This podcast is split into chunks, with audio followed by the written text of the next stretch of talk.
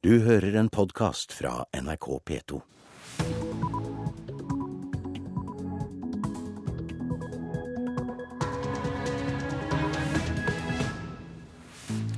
Velkommen til en ny uke med Nyhetsmorgen. Vi er på mandag 12. november i dag. Klokka halv sju har vi disse overskriftene. Den norske, svenske og danske staten går sammen med bankene om å gi milliardlån til SAS. Den nærmeste familien og venner av Sigrid Giskegjerde Skjetne er blitt mobbet på svensk nettforum. En etter en ble uttenkt som mordere og drapsmenn og hva det ikke var for noe til slutt. Det var helt eh, tragisk. Og det er vanvittig hets vi har blitt utsatt for på disse sidene. Det sier Bjarne Koren, som er far til en av Sigrids venninner. Norske trygdepenger går til diktatur. Eksileritreere trues til å betale skatt til regimet de flyktet fra. Puslespill kan gjøre gutter flinkere på skolen. Finne noe som de kan være litt motivert for. Så mindre TV og data og mer eh, sånn pusleaktige aktiviteter vil jeg anbefale. Den anbefalingen kom fra Ingunn Størksen, som er forsker ved Universitetet i Stavanger. Her i studio i dag, Øystein Heggen.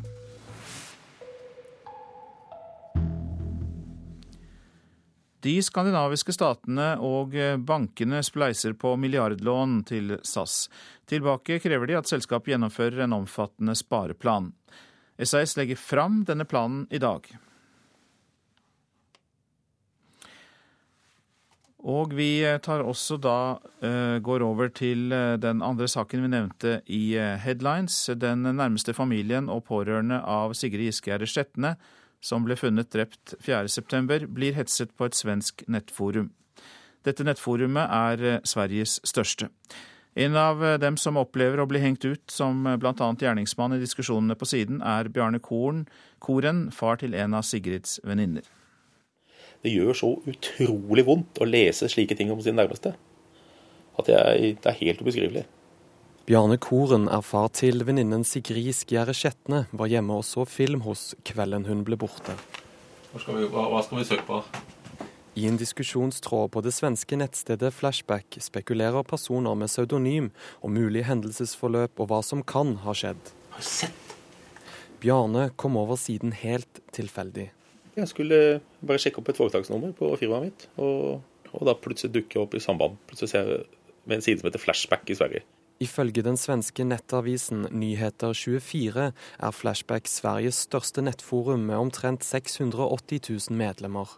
Du trenger ikke å være registrert bruker for å kunne lese hva som står der. Ja, så satte jeg meg ned og så begynte jeg å se hva det var for noe, og jeg fikk jo sjokk. Direkte sjokk av all den hetsen som framkom. Og hvor en etter en ble uttenkt som mordere og drapsmenn og hva det ikke var for noe til slutt. Det var helt eh, tragisk. Og det er vanvittig hets vi har blitt utsatt for på disse sidene. Mye av det som skrives i diskusjonen er så grovt at det rett og slett ikke egner seg på radio. Ja, jeg er jo da sannsynligvis jeg er kriminell, jeg driver med smugling, jeg er sannsynligvis pedofil sammen med sønnen min, og sønnen min er pedofil, og datteren min er utilregnelig og gal, og ja, you name it. Der. Og alt det samme med, med foreldrene til Sigrid, venner av Sigrids familie, eh, venner av meg som har vært med å lete Altså, dette er en side som opererer utenfor redaktøransvaret og medienes etiske retningslinjer. Karoline Andrea Ilebekk er forsker ved Institutt for medier og kommunikasjon ved Universitetet i Oslo. Og selv om Flashback har noen eh, debattregler, så fronter de et syn på eh, ytringsfrihet og det frie ord som en essensiell rettighet. Eh, og at terskelen for å ytre seg skal være veldig, veldig lav. Diskusjonen har over 800 sider og nesten 10 000 innlegg. Det er helt ufattelig. Blant medlemsmassen finnes også en god del norske brukere. Ved å bruke bruddstykker fra saker i media og informasjon tilgjengelig på nettet, prøver medlemmene som diskuterer å sette ting i sammenheng. Og, og altså, koblinger de greier å trekke mellom mennesker. Og, ja, det er helt ubeskrivelig. Initialer blir ofte brukt ved omtale av navngitte personer. Overseksualiserte HKK, det er sønnen min, er gjerningsmann. Bare se det her, da. Ja, jeg vil jo ikke la han være ulest nå, for jeg vil vite og spesielt hva slags hets som framsettes mot mine barn. Som er bare helt utrolig. Og hvordan sønnen min har blitt hengt ut på dette nettstedet. Det er helt ubeskrivelig. NRK har ikke lykkes i å komme i kontakt med de ansvarlige bak den svenske nettsiden. Reporter Eivind Våge. Så skal vi eh, tilbake til eh, SAS og finansieringen av selskapet. Lån fra skandinaviske stater og banker forutsetter en spareplan som flyselskapet legger fram i dag. Den norske, svenske og danske staten går sammen med bankene om å gi milliardlån til SAS. Forutsetningen er at de ansatte aksepterer den omfattende spareplanen som blir lagt fram mandag, skriver Dagens Næringsliv. Etter det avisa kjenner til, er planen alt godkjent av bankene. Norge, Sverige og Danmark har også fått grønt lys fra EU om å gi statsgarantier for banklåna til SAS. Statene eier 50% av SAS, men løsninga bryter ikke EU-forbudet mot statsstøtte, fordi statene opptrer som en kommersiell bank og tar samme risiko. Spareplanen skal innebære mellom annet heving av pensjonsalderen til 62 år, og ellers medføre størst kostnad for de med lengst ansiennitet og høyest lønn. Når spareplanen blir lagt fram med forslag til kutt i stillinger, lønn og pensjon, er det opp til de ansatte via fagforeningene å akseptere kutta. Reporter her Ingunn Rauk. I Hellas har parlamentet godkjent neste års budsjett. Budsjettet skal inneholde kraftige sparetiltak som greske politikere har måttet innføre for å få nye lån fra EU og Det internasjonale pengefondet. Dette skapte store protester i går kveld. Mer enn 10 000 mennesker var samlet utenfor parlamentet i hovedstaden Aten for å demonstrere mot tiltak som de mener kan kun gå utover den vanlige borger i landet. Så Syria. I går kveld undertegnet syriske opposisjonsgrupper en avtale som innebærer at det blir dannet en ny opposisjonsledelse med representanter fra alle grupper som kjemper mot president Bashar al-Assad. Men på bakken så lider sivilbefolkningen. Og god morgen til deg, programsjef Dag Horntvedt i Leger uten grenser. God morgen. Du har kommet fra Syria nettopp. Du har vært der i sju uker, faktisk. Og dere bygger opp et sykehus med kirurger nordvest i landet. Hvilke inntrykk fikk du etter eh, denne relativt lange perioden i Syria? Jo, Det som vi allerede visste, og som eh, jeg så, var jo det at de humanitære behovene i Syria er voksne. Eh, vi ser stadig flere av sivilbefolkningen som er utsatt for eh, skader gjennom bombing og beskytning av de pågående kamper. Så det er en svært bekymringsfull utvikling vi har vært vitne til. Men kan du fortelle litt om hva du hørte folk fortelle til deg om det de har opplevd? For dere tar jo imot mange mennesker nettopp der nord i landet der dere bygger opp virksomhet. Ja, vi har fire sykehus i Syria eh, som jobber i de områdene som er eh, styrt av opprørsbevegelsen. Vi har prøvd å komme inn i de Assads-kontrollerte områdene, men uten å lykkes med det. Det vi blir fortalt, er jo at det er en total mangel på helsetilbud for de menneskene som oppholder seg i disse områdene fortsatt. Eh, de har ingen mulighet, de er for redde til å gå inn i de Assad-styrte områdene, for de vet ikke hvordan eh, de vil bli behandlet der. Slik at eh, våre sykehus og en, noen andre små provisoriske klinikker er det eneste tilbudet de har i dag. Hvilke skader har de? Vi ser pga. bombingen, vi ser blant sivilbefolkningen mye splintskader, eksplosjonsskader, brannskader og selvfølgelig eh, skader ved brudd og slike ting som oppstår når eh, bygninger blir truffet av granater og raketter, som vi så daglig. Dette ser jo dere i de områdene der dere er hvor opposisjonen har kontroll. Eh, men hvis vi ser inn i Syria, hvilke er problemene for helsepersonellet som faktisk jobber i Bashar al-Assad-kontrollert område? I de områdene så er jo noen av de strukturene fortsatt fungerende. Så det er tilgang for Assads soldater og sivilbefolkning, de som måtte trenge det, til noen helsestrukturer. Men som jeg sa, i de andre områdene så finnes det ikke noe tilbud som fungerer, bortsett fra de få provisoriske klinikkene og de sykehusene som vi bl.a. driver der. Og hvordan kan situasjonen bli bedre? Nå tenker jeg da på helsesituasjonen på kort sikt. Nei, Det eneste som man kan gjøre denne situasjonen bedre, er at det blir våpenhvile i første omgang. At eh, de stridende partner ikke beskytter hverandre, og sivilbefolkningen. Og eh, som nok mange andre mener, er jo det at den eneste løsningen på denne konflikten er politisk. Ja, du er i Leger uten grenser. Du er ikke politisk, skal ikke være politisk. Du skal drive med hjelpearbeid, men likevel, altså, hvilket inntrykk sitter du med om hvordan mulighetene er for å få til en våpenhvile og få til en fredsavtale? Ja, Det er jo som du sier ikke noe som Leger uten grenser har noe spesiell mening om. Men uh, vi er jo primært der for å hjelpe uh, befolkningen som trenger medisinsk hjelp. Men vi er bekymret, for vi ser at uh, så lenge det ikke finnes noen løsning, så blir bare situasjonen verre og verre. Mange takk skal du ha for at du kom hit til Nyhetsmorgen, Dag Horntvedt, som da er programsjef i Leger uten eh, grenser. Norske trygdepenger går til å støtte et av verdens verste militærdiktaturer, for eh, alle eritreere i Norge presses til å betale skatt til regimet de flyktet fra. Småpraten går fremdeles på morsmålet til Grinja, men på papiret er de bergensere. Tolkene Hirti og Temesken har bodd i Norge i over 20 år, men må fremdeles betale skatt til regimet de flyktet fra. Hvis man betaler ikke, det er jo våre uh, familier som, uh, som svir. Militærdiktaturet i Eritrea er styrt med knallhard hånd og krever 2% skatt fra alle som har flyktet fra landet. Hvis ikke truer de både flyktninger og familie i hjemlandet. Temesken sluttet å betale skatt for et par år siden. Da han besøkte sitt hjemland noen måneder senere, ble han arrestert. Jeg ble tvunget til å betale 43 eh, 000 norske kroner. Også de som mottar trygd i Norge, skatter til Eritrea.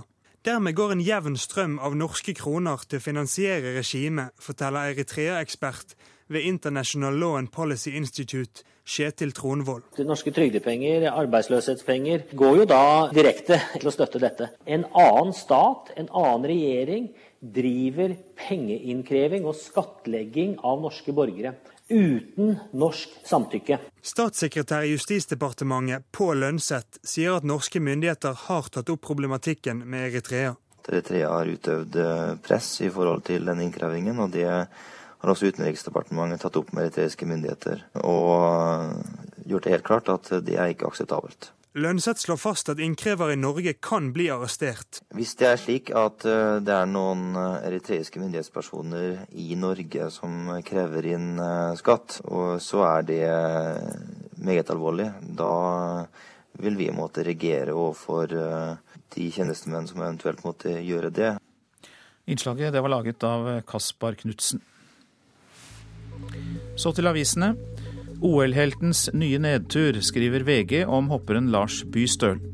Utlendingsdirektoratet vil kaste hans amerikanske samboer ut av landet fordi Bystøl hadde for lav inntekt foregående år.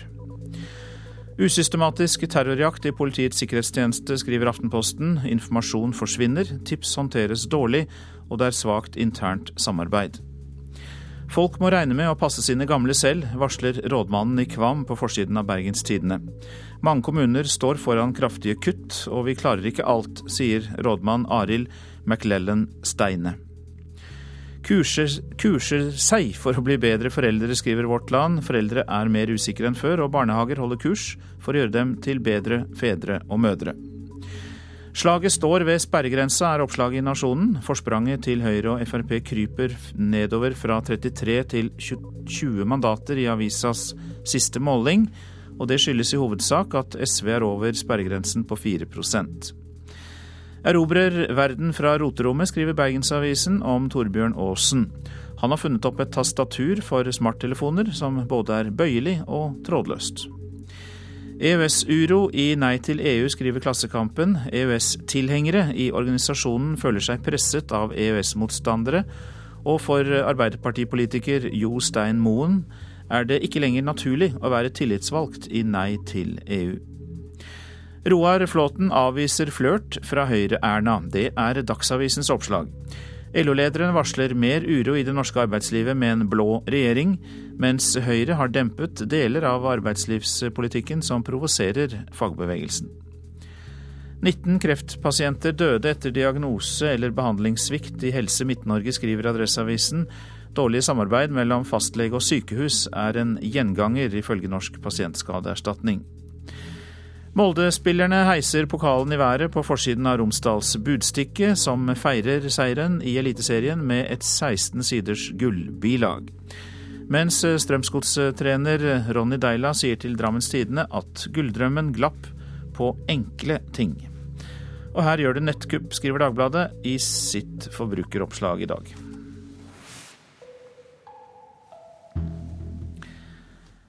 Og vi fortsetter med Molde. De ble altså, altså seriemestere for andre år på rad, og jubelen sto i taket i Rosenes by i går kveld.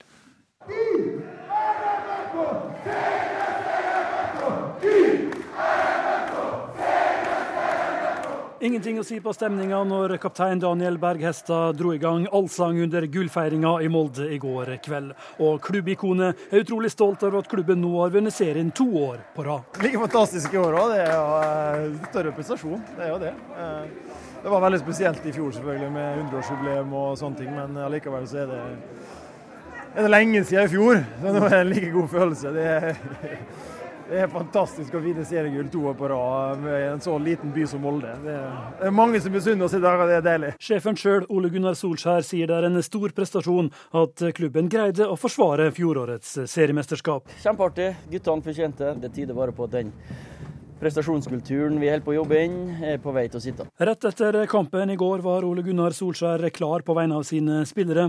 I kveld skulle de ha en stor fest. Når du vinner seriemesterskapet, som skal være så stor som det overhodet går an å bli, og øh, hvis det er noen som går hjem før klokka ett av spillerne, så blir jeg skuffa. Og Solskjær trengte ikke å frykte at noen av hans spillere skulle gå tidlig hjem fra seiersfesten i går kveld, for slik hørtes det ut i festlokalene sent i natt.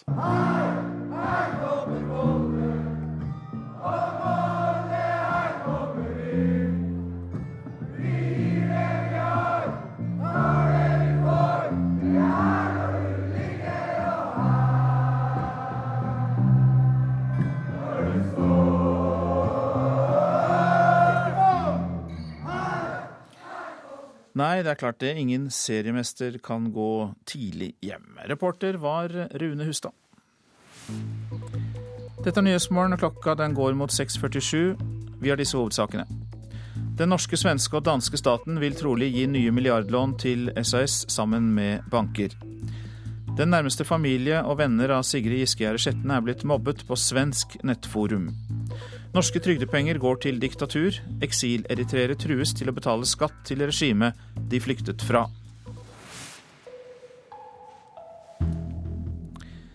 I dag starter rettssaken etter drapet på 98 år gamle Hilda Feste i Os i Hordaland.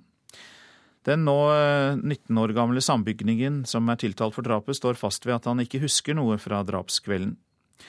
Selv om klienten nekter straffskyld, sier forsvarer Rolf Knutsen at eh, tankene på kvinnens pårørende har plaget 19-åringen i fengselet. Han tenker at det er en helt forferdelig situasjon for de. Han har tenkt mye på det. Det er en helt grusom sak som han har flere ganger gitt uttrykk for. Inngangen til 2012 ble en helt annen enn det innbyggerne i Os i Hordaland hadde tenkt seg. Første nyttårsdag ble 98 år gamle Hilda Feste funnet drepen og seksuelt misbrukt i omsorgsbostaden sin i Gamleheimshagen på Os. Trass store mengder tips fra lokalmiljøet tok det nesten to måneder før politiet pågrep mannen som i dag møter i Nordhordland tingrett. Den nå 19 år gamle mannen nekter for at han har noe med drapet å gjøre, og hevder han ikke husker noe for det aktuelle tidsrommet fordi han var sterkt rusa. Det er timer her som han ikke kan redegjøre for, eh, og det er veldig krevende for han. Det ser Rolf Knutsen, som er forsvarsadvokaten til 19-åringen. Det er satt av fem dager til rettssaken i tingretten. Mora til den tiltalte og heimesykepleieren som så gjerningsmannen drapskvelden, er blant de som skal vitne i saka. Politiet har både fingeravtrykk og DNA-spor som knyter tiltalte til drapsdagen. Obduksjonsrapporten viste at 98-åringen døde av massiv valg mot hovedet. Nå risikerer 19-åringen 21 års fengsel dersom han var dømt for drapet og det seksuelle overgrepet. Saka har vært omtalt som svært uvanlig, siden en ung mann står tiltalt for voldtekt og drap på ei eldre kvinne. Forsvareren sier han har brukt mye tid på å forberede 19-åringen på dagen i dag. Vi har vært ute og truffet han her i fengselet hver eneste uke, slik at jeg tror at han er rimelig godt forberedt på det som venter han. Reporter Sølve Rydland. Veteraner fra Kings Bay-ulykken reagerer sterkt på avslutningen av Monica Christensens nye bok. På de to siste sidene beskriver hun det hun mener er den mest sannsynlige teorien om hva som skjedde like før eksplosjonen i gruven. Her utløser en navngitt arbeidsleder, om enn uvitende, den skjebnesvangre eksplosjonen.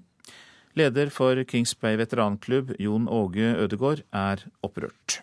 Å få en manns navn nevnt på en sånn måte, det syns vi er veldig beklagelig. Vi var jo som en familie, og, og det er litt sårende å se at han på en måte får et ansvar som, eh, som han ikke på noen måte kan ha hatt. Monica Christensen legger ikke skjul på at hun dikter da hun avslutter boka om Kings Bay-saka.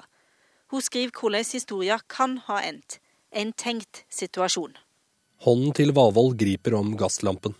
Han er uvitende om at det kan være en defekt i glasset som dekker tenningsmekanismen, farlig bare hvis metangassprosenten i luften som måles, ligger over 4% Det er slutt på dette siste minuttet, og Stiger Vavold tenner lampen.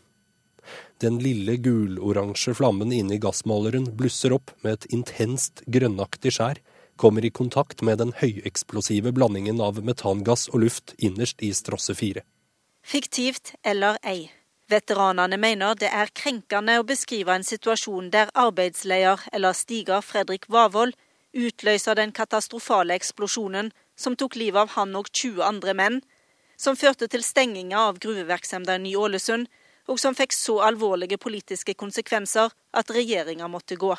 I Christensens hypotese om hva som skjedde, skylder hun ingen for å ha handla med viten og vilje. Jon Skjevdal jobber sammen med stigeren, og er svært skeptisk til det tenkte scenarioet i boka. Jeg synes det høres tvilende ut at han la gå ned når det var sagt at det var mye gass i gruva, uten å sjekke utstyret og gassmåleren skikkelig før han gikk ned i gruva. Og på veien ned gruva, det har jeg vondt for å tru Fredrik, for han var jo den kanskje gamleste og mest rutinerte stigeren vi hadde oppi der. Så det er vondt for å tru. Veteranene har sjøl teorier om hva som kan ha hendt. Overstiger Hedga Stien så røyken komme ut av gruva 5.11.1962. Vi hadde ei pumpe helt nede i bunnen. Har jeg sagt hele tida at det kunne være kommet et ras der, og så blir det gnist ut av eh, kabelen, eller og at det kunne ha antent. Ingen av vitnene til selve eksplosjonen vil noensinne bli hørt. Rolf Hanua skrev bok om Kings Bay i 1993. Han etterlyser mer nøktern holdning til fakta. Faktum er at ingen kom levende ut av gruva ved denne ulykken, og ingen har etterpå kunnet vært vitne til hva som skjedde der nede akkurat da. NRK har ikke klart å finne nære slektninger av Fredrik Vavold i Norge. Veteranklubben ønsker å ivareta hans ettermæle, sier Jon Åge Ødegård. Vi føler oss jo på en måte som etterkommer av Vavold. I hvert fall så, så gjør jeg det, og det gjør de fleste som, som var her på den tida. Så, så for oss så er det, er det trasig å registrere at det, det er brukt på den måten der. Reporter Kjersti Strømmen og forfatter Monica Christensen forstår at Kings Bay-veteranene reagerer men understreker at hun ikke gir den navngitte arbeidslederen eller noen andre skylden for ulykken. Jeg tror at veteranene har levd så lenge under en mørk sky av skyld at nesten enhver slik gjennomarbeiding av Kingsberg-boka vil være vondt for dem. Så jeg har full forståelse for at de er engstelige for at noen av dem skal kunne pekes ut med skyld. Men det mener Monica Christensen altså at hun ikke gjør, selv om hun navngir den omtalte arbeidslederen. Det ligger ingen skyld i at han faktisk ønsker å måle metangass for å forsikre seg om at arbeidsplassen er trygg. Christensen understreker at avslutningen av boka ikke er diktning, men at hun går over til en beskrivende form i presens. Dette for å få det klart fram at det ikke finnes vitneforklaringer til det hun mener er den mest sannsynlige årsaken til ulykken. Det jeg gjør, det er å lansere en sannsynlig teori, i hvert fall for meg sannsynlig. Og jeg er fullt åpen for at jeg kan ta feil. Men jeg vil understreke, jeg har ikke lagt skyld på noen for ulykka. Ja, det sa altså forfatter Monica Christensen til reporter Gjermund Jappé.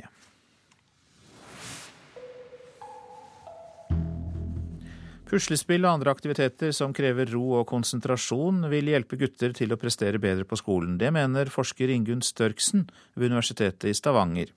Blant ungdom i Stavanger er teoriene mange på hvorfor jenter er mer skoleflinke. Jeg tror det er fordi at eh, de passer kanskje bedre til praktiske fag. Det tror jeg er for at jenter har mer motivasjon enn guttene har.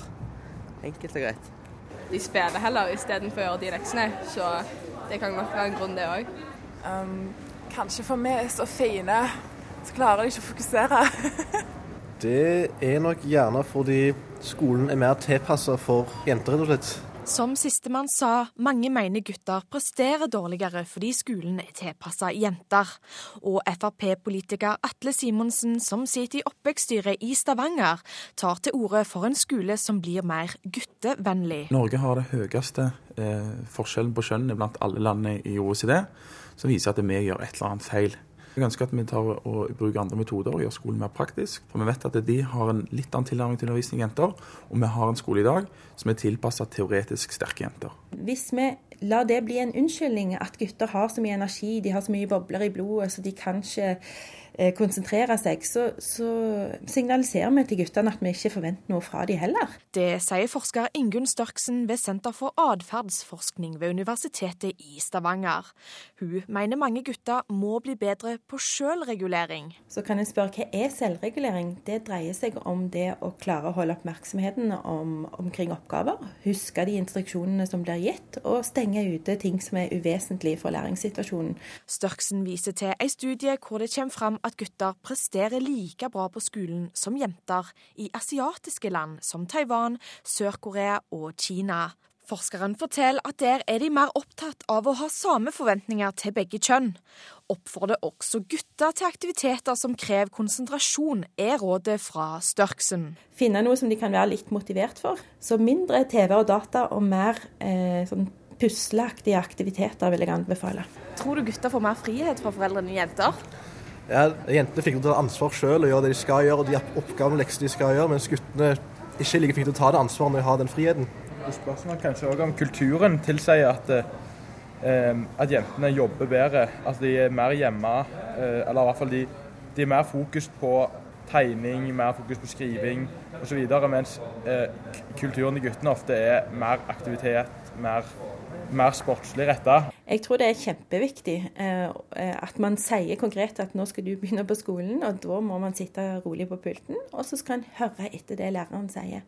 Og det skal man ikke bare si én gang, det skal man si ofte. Minne de på det. Forsker Ingunn Størksen mener tidlig utvikling av evne til konsentrasjon og læring er avgjørende for om barn klarer seg bra eller ikke. Det som er litt skremmende med forskningen fra andre land, er at det, det viser hvor eh, lange konsekvenser det kan ha for utdanning, for arbeidsliv og faktisk for kriminalitet òg. Forventer vi at gutter òg skal konsentrere seg og jobbe med skolearbeid. Det er ganske viktig for at de skal være motiverte for å gjøre det. Reportasjen var laget av Samina Bruket.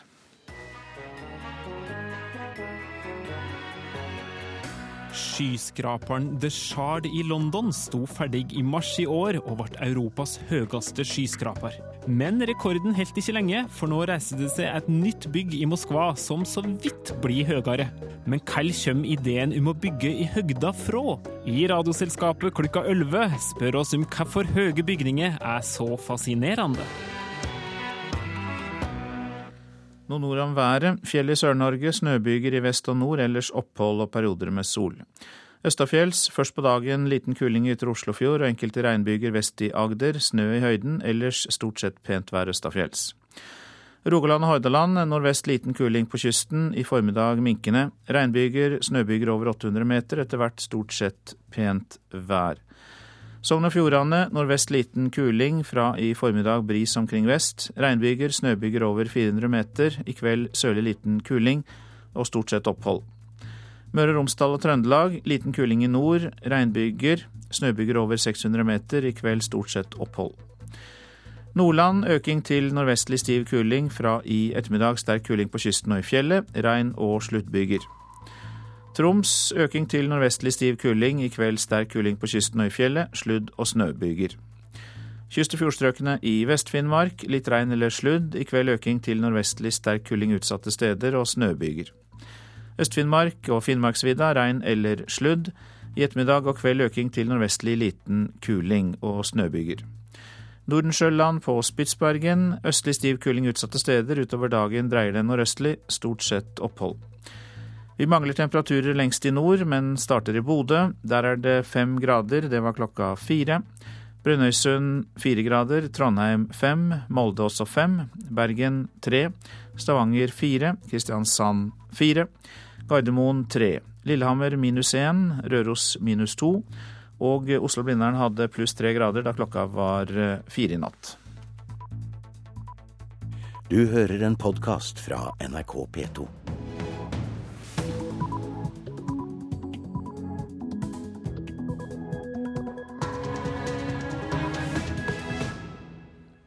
Klokka er sju, og programmet du lytter til er Nyhetsmorgen på P2 og Alltid nyheter. Her i studio, Øystein Heggen. Vi har en nyhetsoppdatering. I oktober lå over 1000 pasienter på gangen eller i overfylte rom på et sykehus som ikke skal ha korridorpasienter. Flesteparten av sengeområdene har til enhver tid flere pasienter enn det de er i utgangspunktet dimensjonert for. Tillitsvalgt Kai Øyvind Brenden på Ahus. Den norske, svenske og danske staten vil trolig gi nye milliardlån til SAS sammen med banker. Norge, Sverige og Danmark har også fått grønt lys fra EU om å gi statsgarantier for banklåna til SAS. Statene eier 50% av SAS, men løsninga bryter ikke EU-forbudet mot statsstøtte, fordi statene opptrer som en kommersiell bank og tar samme risiko. Både tidligere PST-sjef Janne Christiansen og tidligere statsminister Kjell Magne Bondevik må forklare seg for Stortingets 22. juli-kommisjon i dag. Den nærmeste familie og venner av Sigrid Giskegjerde Skjetne er blitt mobbet på svensk nettforum. Og veteraner fra Kings Bay-ulykken reagerer sterkt på avslutningen av Monica Christensens nye bok om hendelsene i 1962. Å få en manns navn nevnt på en sånn måte, det syns vi er veldig beklagelig. Vi var jo som en familie, og, og det er litt sårende å se at han på en måte får et ansvar som, som han ikke på noen måte kan ha hatt. Leder for Kingsberg veteranklubb, Jon Åge Ødegård. Over 1100 pasienter lå i korridoren eller på overfylte rom på Ahus eh, i eh, oktober. Nybygg til tross, siden i sommer har et økende antall pasienter blitt eh, henvist til gangen på dette sykehuset. Vi får inn eh, flere pasienter eh, enn det vi har senger til. Eh, uansett hvordan vi snur og vender på det, så, så er det selvsagt en uønsket situasjon. Ahus lar ikke NRK snakke med dem, pasientene som ligger i korridorene og på overfylte rom. Men direktør ved medisinsk divisjon Yngve Mikkelsen forteller om den verste måneden så langt i år. 800 pasienter lå på gangen i oktober, og 300 på rom som er for små. Det er et sykehus med bygg for framtida. Men fire år etter er fremtidssykehuset allerede overfylt. Flesteparten av sengeområdene har til enhver tid flere pasienter enn det de er i utgangspunktet dimensjonert for. Og hva vil du si at overbelegg har å si for eh, pasientene sin sikkerhet? Så fremt man ikke kompenserer med bemanning, så er det klart at det er en trussel mot pasientsikkerheten. Og overbelegget har ført til flere feil ved sykehuset, forteller direktør ved medisinsk divisjon Yngve Mikkelsen. Jeg deler absolutt bekymringen og ser utfordringen. Eh, og vi har et felles ansvar eh, for å gjøre det beste ut av det. Men selv om vi ønsker å åpne masse nye senger, eh, så er det slik at det personellet faktisk ikke er tilgjengelig. Og da må vi gjøre det beste ut av det vi har, fordi pasientene kommer, og løsningen er ikke å lukke døra. Etter min vurdering så har vi en knapphet i forhold til sengearealer. Han har vært ute med målbånd, hovedverneombud Finn Halvorsen, og funnet ut at det er en halv meter mellom hver seng på rommene som må ta inn ekstra pasienter. Det var nok sånn når man planla det nye sykehuset at, eh, at mange kunne tenkt seg at eh, det ble planlagt med noe større kapasitet. Vi advarte jo en del eh, i forhold til det når man planla sykehuset. Vi sliter nok med at man eh, har spart en del på investeringer i byggprosjektet også. Divisjonsdirektør Mikkelsen mener det er for tidlig å si om sykehuset må utvides. Det er vel egentlig av den oppfatningen at vi ikke eh, vet om vi har gjort alt optimalt enda. Eh, og eh, når vi har gjort det, så vil vi vite om størrelsen på sykehuset er for lite eh, for dagens situasjon eller ikke. Men foretakstillitsvalgt Kai Øyvind Brenden sier overbelegget nok en gang viser at spaden må ned i jorda. Vi ser ikke noen annen løsning enn at vi må få gjort noe med arealsituasjonen. Reporter Kristine Svendsen. Arealmangel og personalmangel er stikkord i dette innslaget fra Akershus universitetssykehus på Lørenskog. Og eh, Marie Åkre, du er tidligere leder for Rådet for sykepleieretikk. Beskriv hvordan det er for pasienter å ligge på korridoren. Det er jo mange fortellinger om den erfaringen. Og pasienter beskriver jo både å ligge på åpen scene å mangle fortrolighet og ikke finne ro og føle seg på en måte både innenfor systemet og utenfor systemet, mens andre synes det er helt greit bare de har kommet inn da de har ventet lenge på å få komme inn på sykehusene. Hvilken risiko følger med det å ligge på gangen? Eh, eh, å ligge på gangen og utøve helhetlig sykepleie og utføre medisinsk behandling og observasjoner er et uegnet arealet for gode helsetjenester. Så her ligger det mange utfordringer faglig og etisk og, og relasjonelt som jeg tror vi må snakke mye grundigere om. Korridorpasienter skulle jo være et unntak. Nå kan det se ut som det er en regel. Hva er det som har skjedd med våre holdninger til denne unntaksordningen? Ja, Hvis det kan kalles et unntak, så har jeg levd med det i 40 år som sykepleier i mer og mindre grad. Mm. Men det har svingt i perioder, og det er ganske ulike erfaringer rundt i helseforetakene våre. Så jeg kjenner ikke Ahus-detaljene, men på generelt eh, basis og mottok i Råd for sykepleieetikk mange etiske dilemmaer og beskrivelser fra sykepleiere som er ansvarlig for tjenestene på sånne enheter. Og det er stort moralsk stress og kompleksitet i å prioritere og overvåke og skape tilstedeværelse og godt faglig arbeid. Og det har vi kjent til veldig lenge.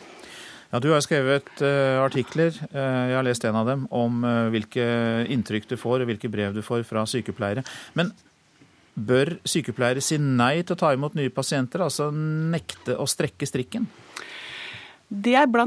et av de store dilemmaområdene sykepleiere står i. Fordi de er veldig lojale mot arbeidsgiver og samtidig ser eh, veldig syke mennesker som ikke får plass. Og vi fikk jo ofte spørsmålet om er det etisk forsvarlig å si nei? Og, og hvor går øvre grense for hva vi bør si ja til før det er uforsvarlig? Og vi har jo prøvd å oppmuntre sykepleiere til en ansvarlighet på å informere åpent åpent og melde avvik og, og finne grenser som er forsvarlige hvis de ikke finner kompetente mennesker som kan berike bemanningen. For det er ofte grunnbemanningen som må ivareta kanskje opptil dobbelt så mange som de er ansatt for å ivareta enkelte netter og, og døgn. Men er det etisk forsvarlig å si nei? Ja, det er klart at det er etisk forsvarlig å si nei, hvis man samtidig eh, melder fra om at dette mennesket kan ikke vi hjelpe innenfor de rammene vi har. Det å påta seg et større ansvar enn man har mulighet for å ivareta, er eh, diskutabel etikk. For å avrunde, hva må gjøres? Jeg syns fotfolket og de som arbeider midt i dette, blir for lite spurt og hørt i omstillinger og endringer på mange plan. Og kompleksiteten i hverdagsledelse på disse enhetene må må drøftes på en mye modigere og tydeligere måte, da dette handler om de vanskeligste prioriteringer vi står i daglig travle helsetjenester. Så det er kanskje det viktigste jeg vil peke på akkurat nå. Og så må vi erkjenne det moralske stresset for de ansatte, for det hemmer dem i å utøve god faglighet.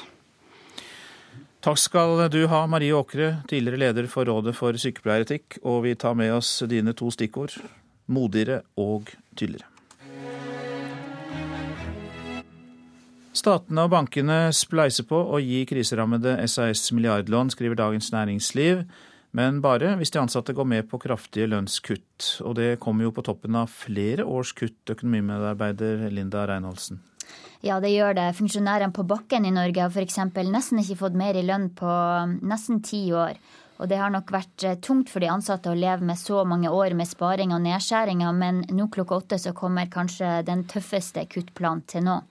Lekkasjer tyder på at de ansatte kan bli bedt eh, om å gå, med, gå ned i lønn med så mye som 15% De får dårligere pensjonsavtaler, mange blir oppsagt, og de som er igjen, må jobbe mer. Bakkemannskapene i Norge har sagt at de ikke vil gå ned eh, enda mer i lønn, og her hører vi Asbjørn Vikestad, som er tillitsvalgt for funksjonærene på bakken. Jo, men det blir jo sånn at hvis de skal spare ytterligere, så må de ikke begynne helt nederst på bunn. Husk på, Lønningene er blitt såpass lave at det er problemer med å holde på folk, det er problemer med å rekruttere folk. Går en lavere enn det, så vil en jo ikke ha folk igjen. Så skal de spare på det som har med lønnsutgifter å gjøre, personalutgifter å gjøre, så burde de kanskje begynne helt opp på toppen, og så gå nedover i stedet. Men Asbjørn Wikestad og hans kolleger kan risikere å bli solgt? Ja, flere aviser, også vi i NRK, har fått signaler om det. Så da blir det en ny arbeidsgiver for Wikestad å forhandle om lønna med. Kanskje bitter fordi de, fordi de har gått med på lønnsfrys nettopp for ikke å bli solgt ut. Og For å overleve så trenger altså SAS nye lån. Kan du beskrive det litt mer, hva som trolig er i ferd med å skje? Ja, de gjør det, og bankene syns det er for risikabelt å gå inn og gi nye lån alene. Så derfor så er statene med, og det er litt kontroversielt. Um, fordi det er jo skattepenger som da brukes, og dessuten så må EU godkjenne det, fordi det kan ikke føre til urettferdig konkurranse i lufta. Men EU skal ha gitt et klarsignal om at uh, man kan godkjenne det her, da. Og Dagens Næringsliv skriver i dag at statene går sammen med bankene i et slags spleiselag for å gi uh, disse lånene da, til uh, SAS. Men altså denne pakken med lån og kutt samtidig, er det nok for å redde SAS? Ehm, noen skeptikere mener at det ikke er det, eh, mens ledelsen eh, sjøl tror at disse kuttene vil få selskapet på riktig vei. Eh, så en ekspert som VG har intervjua i dag, førsteamanuensis Espen Andersen, sier at SAS har så grunnleggende strukturelle problemer at å forlenge noe med nye lån vil bare utsette en konkurs som kommer uansett. Mange takk for den orienteringen, økonomimedarbeider eh, Linda Reinholsen.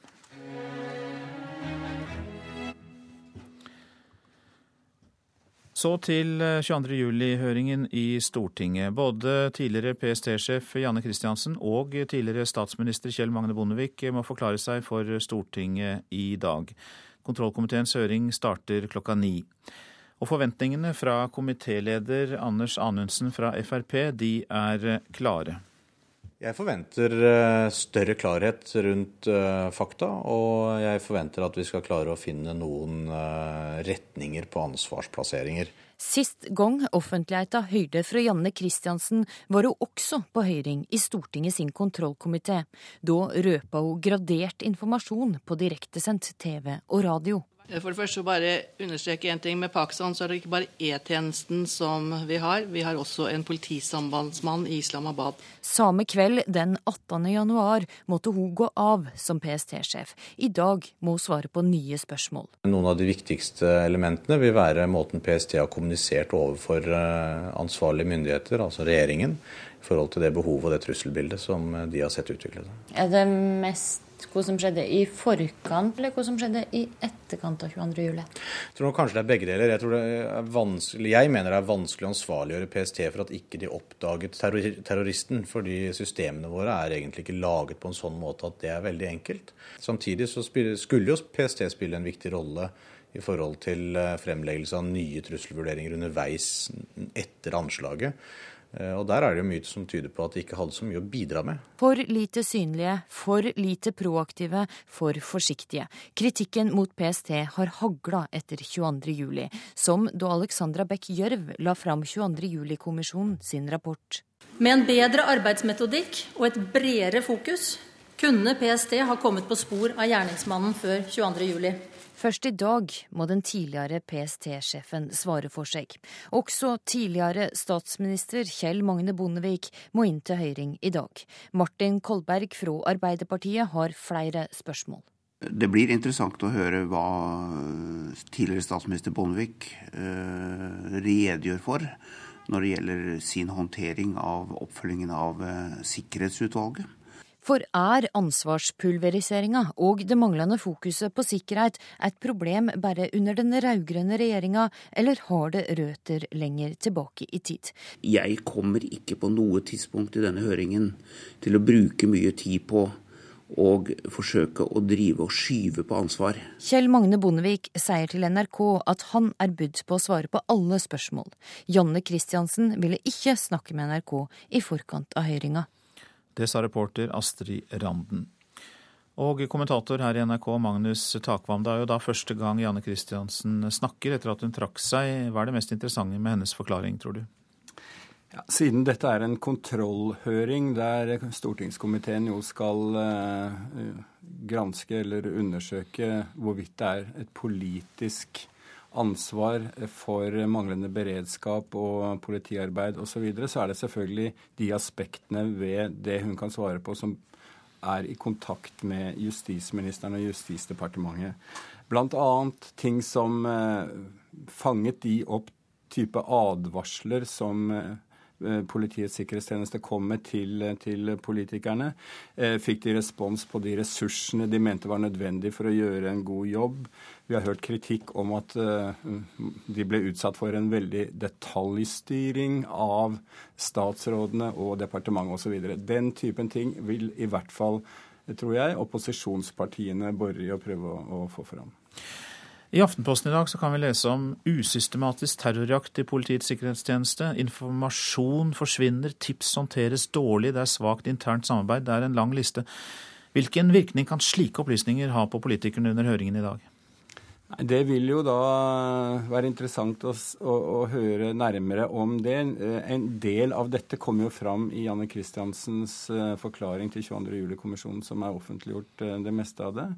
Og der ble det jo allerede der eh, klar, dokumentert at det var stor forvirring på selve dagen om hva de enkelte avdelingene i PST gjorde osv. Den ene visste ikke om hva den andre gjorde. Eh, et annet punkt som kommer fram, er at etter Lund-kommisjonen, eh, den harde kritikken som, eh, som kom midt på 90-tallet mot overvåkningspolitiet, så hadde man et slags post-Lund-syndrom, altså en veldig risikoaversjon. Man turte ikke å gjøre ting som man senere kunne bli kritisert for, bl.a. å legge inn viktige, vitale dokumenter i eh, systemene til PST. Da var man redd for at man skal vi si, var overvåket for mange. Så den typen eh, sider eh, og svakheter ved PST vil også være interessant å høre på. I høringen i dag så begynner man med tidligere statsminister Kjell Magne Bondevik og eh, statsråd Odd Einar Dørum. Og vi, vi hørte jo litt om det, men kan du si litt mer om hvorfor de er kalt inn? Der vil man eh, forsøke å eh, etablere en forståelse om denne manglende kulturen for beredskap og sikkerhetsarbeid, som jo er et av hovedfunnene hos 22. juli-kommisjonen, allerede var mangelfull på denne tiden. Hva gjorde Bondevik-regjeringen i forhold til å følge opp sårbarhetsutvalget? Hva lærte de av tsunamien osv.? Eh, den typen ting. Når det gjelder Dørum, så er det kanskje særlig dette med nødnettet. Det er jo det har kommet fram kritikk også mot eh, det foregående regimet av 22. juli-kommisjonen om at det ikke ble skal vi si, bevilget nok penger til det. Så det er punkter som de vil bli spurt om. Vi eh, følger med på dette. Takk skal du ha, NRK-kommentator Magnus Takvam. Høringen begynner altså i Stortinget klokka ni i dag. Ja, dette er Nyhetsmorgen. Klokka den er 7.18 der. Vi har disse hovedsakene. Over 1100 pasienter lå i korridoren eller på overfylte rom på Akershus universitetssykehus i oktober. Den norske, svenske og danske staten vil trolig gi nye milliardlån til SAS sammen med flere banker. Og Den nærmeste familie og venner av Sigrid Giskegjerde Sjetne er blitt mobbet på svensk nettforum. Vi skal straks høre mer om det.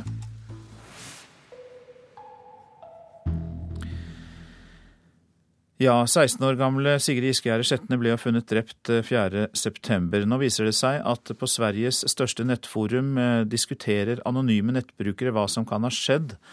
Og blant dem som blir hengt ut der som drapsmann, er Bjarne Koren, faren til en av Sigrids venninner. Også barna hans blir hetset på det groveste. Det gjør så utrolig vondt å lese slike ting om sin nærmeste. Bjarne Koren er far til venninnen Sigrid Skjære Skjetne, var hjemme og så film hos Kvelden hun ble borte. Skal vi, hva skal vi søke på? I en diskusjonstråd på det svenske nettstedet Flashback spekulerer personer med pseudonym om mulig hendelsesforløp og hva som kan ha skjedd. Jeg fikk jo direkte sjokk av all den hetsen som framkom. Ja, jeg er jo da sannsynligvis pedofil sammen med sønnen min, og sønnen min er pedofil. Og datteren min er utilregnelig og gal, og ja, you name it. Og alt det samme med, med foreldrene til Sigrid, venner av Sigrids familie, eh, venner av meg som har vært med å lete. NRK har ikke lykkes å komme i kontakt med de ansvarlige bak den svenske nettsiden. Reporter her, det var eh, Eivind Våge. Med en total gjeld på over 2000 milliarder kroner godkjente i går det greske parlamentet neste års budsjett. Det gjorde de under streng observasjon fra EU og Det internasjonale pengefondet, IMF, som har satt harde krav til det gjeldstyngede landet. Men det nye budsjettet skaper ikke bare begeistring. Og særlig da ikke Hellas, selvfølgelig.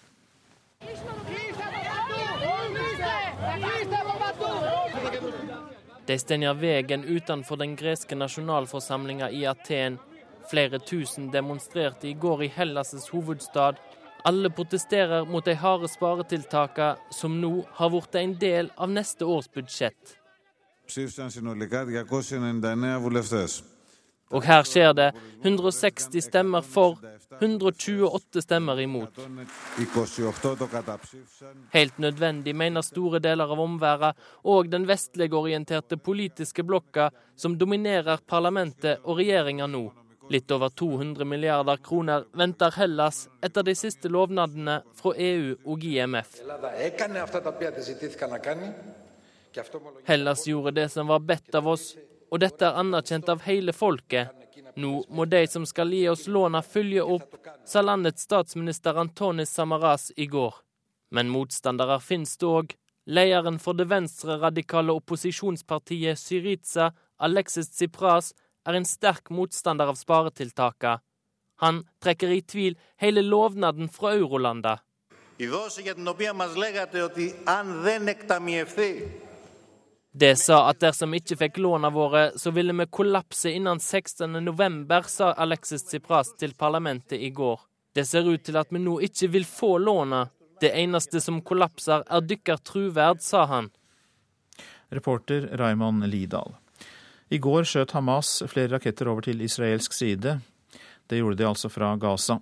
Over 10 000 israelske elever og studenter måtte holde seg hjemme. Et bolighus ble truffet. Og Israel svarte med luftvåpen. De drepte en palestiner, og flere titalls ble skadd. Og det blir beskrevet som de hardeste kamper på lang tid. Midtøsten-korrespondent Sigurd Falkenberg Mikkelsen, du er i Tel Aviv i Israel. Hva kan du rapportere om det som skjer i området nå? Ja, det har vært en uh, roligere natt uh, sammenlignet uh, med helgen. En rakett har truffet israelsk side. Eh, skapt noe skader på en bygning, men eh, ingen mennesker er såret. Eh, israelerne har gjennomført to angrep i Gaza. Ett mot et lagerhus og et annet mot en tunnel. Men alt i alt en langt roligere natt enn det denne helgen har vært. Går det an å si noe om hvorfor dette bryter ut akkurat nå? Eh, det har ligget eh, i eh, luften en stund. Det har vært en gradvis opptrapping. Det israelerne sier, er at dette henger sammen med uh, uroligheten og utryggheten i, på Sinai-halvøya. At det er mange av de gruppene der som får skylden, og at de har tatt seg inn i Gaza. Dette henger også sammen med et større bilde. og Hamas føler seg nok tryggere nå enn de har gjort på lenge, for de har også tatt ansvaret for en del av det som har skjedd. Nå har det vært uh, nye fredsforhandlinger, våpenhvileforhandlinger i Kairo i natt. og uh, I henhold til israelske media så er, ligger det i kortene at det kommer til å roe seg nå. At israelerne går med på å ikke svare for hvert eneste rakettangrep for å gi Hamas noe tid til å prøve å få, be, få en bedre kontroll over situasjonen. Men Benjamin Netanyahu, Israels statsminister, er også veldig tydelig på at de er klare til å svare hardt hvis eh, det blir nødvendig, hvis de mener det er nødvendig. og Vi går jo inn i en israelsk eh, valgkamp eh, nå, så det er fare for at dette kan bli trappet opp i, i tiden som kommer. Israel skjøt jo også mot Syria i går. Det er faktisk første gang på nærmere 40 år. Hva er bakgrunnen for at det skjer? Det er jo Golanhøyden som Israel okkuperte i 1967, som ble rammet. Eh, det er voldsomme uroligheter på syrisk grense. Eh, der foregår en eh, stor borgerkrig. De områdene som grenser til Israel er ikke de hardest rammete, men det har vært en, også en opptrapping der. Det har vært flere hendelser som da endte med at israelerne skjøt tilbake. Så det er urolig på flere grenser for israelerne akkurat nå. Takk skal du ha, Midtøsten-korrespondent Sigurd Falkenberg Mikkelsen, som altså rapporterte fra Tel Aviv i Israel. Så skal vi si noen ord om det avisene skriver. OL-heltens nye nedtur, skriver VG om hopperen Lars Bystøl. Utlendingsdirektoratet vil kaste hans amerikanske samboer ut av landet fordi Bystøl hadde for lav inntekt foregående år. Slaget står ved sperregrensa, er oppslaget i Nasjonen. Forspranget til Høyre og Frp krymper fra 33 til 20 mandater i avisas siste måling, og det skyldes i hovedsak at SV er over sperregrensen på 4% Erobrer verden fra roterommet, skriver Bergensavisen om Torbjørn Aasen. Han har funnet opp et tastatur for smarttelefoner som både er bøyelig og trådløst. EØS-uro i Nei til EU, skriver Klassekampen. EØS-tilhengerne i organisasjonen føler seg presset av EØS-motstanderne. Og for Arbeiderpartipolitiker Jo Stein Moen er det ikke lenger naturlig å være tillitsvalgt i Nei til EU. 19 kreftpasienter døde etter diagnose eller behandlingssvikt i Helse Midt-Norge, skriver Adresseavisen. Dårlig samarbeid mellom fastlege og sykehus er en gjenganger, ifølge Norsk pasientskadeerstatning. Molde-spillerne heiser pokalen i været på forsiden av Romsdals Budstikke i dag, og feirer seieren i Eliteserien med et 16-siders gullbillag. Mens Strømsgodsets trener Ronny Deila sier til Drammenstidene at gulldrømmen glapp på enkle ting. Ja, det var et utdrag av avisene.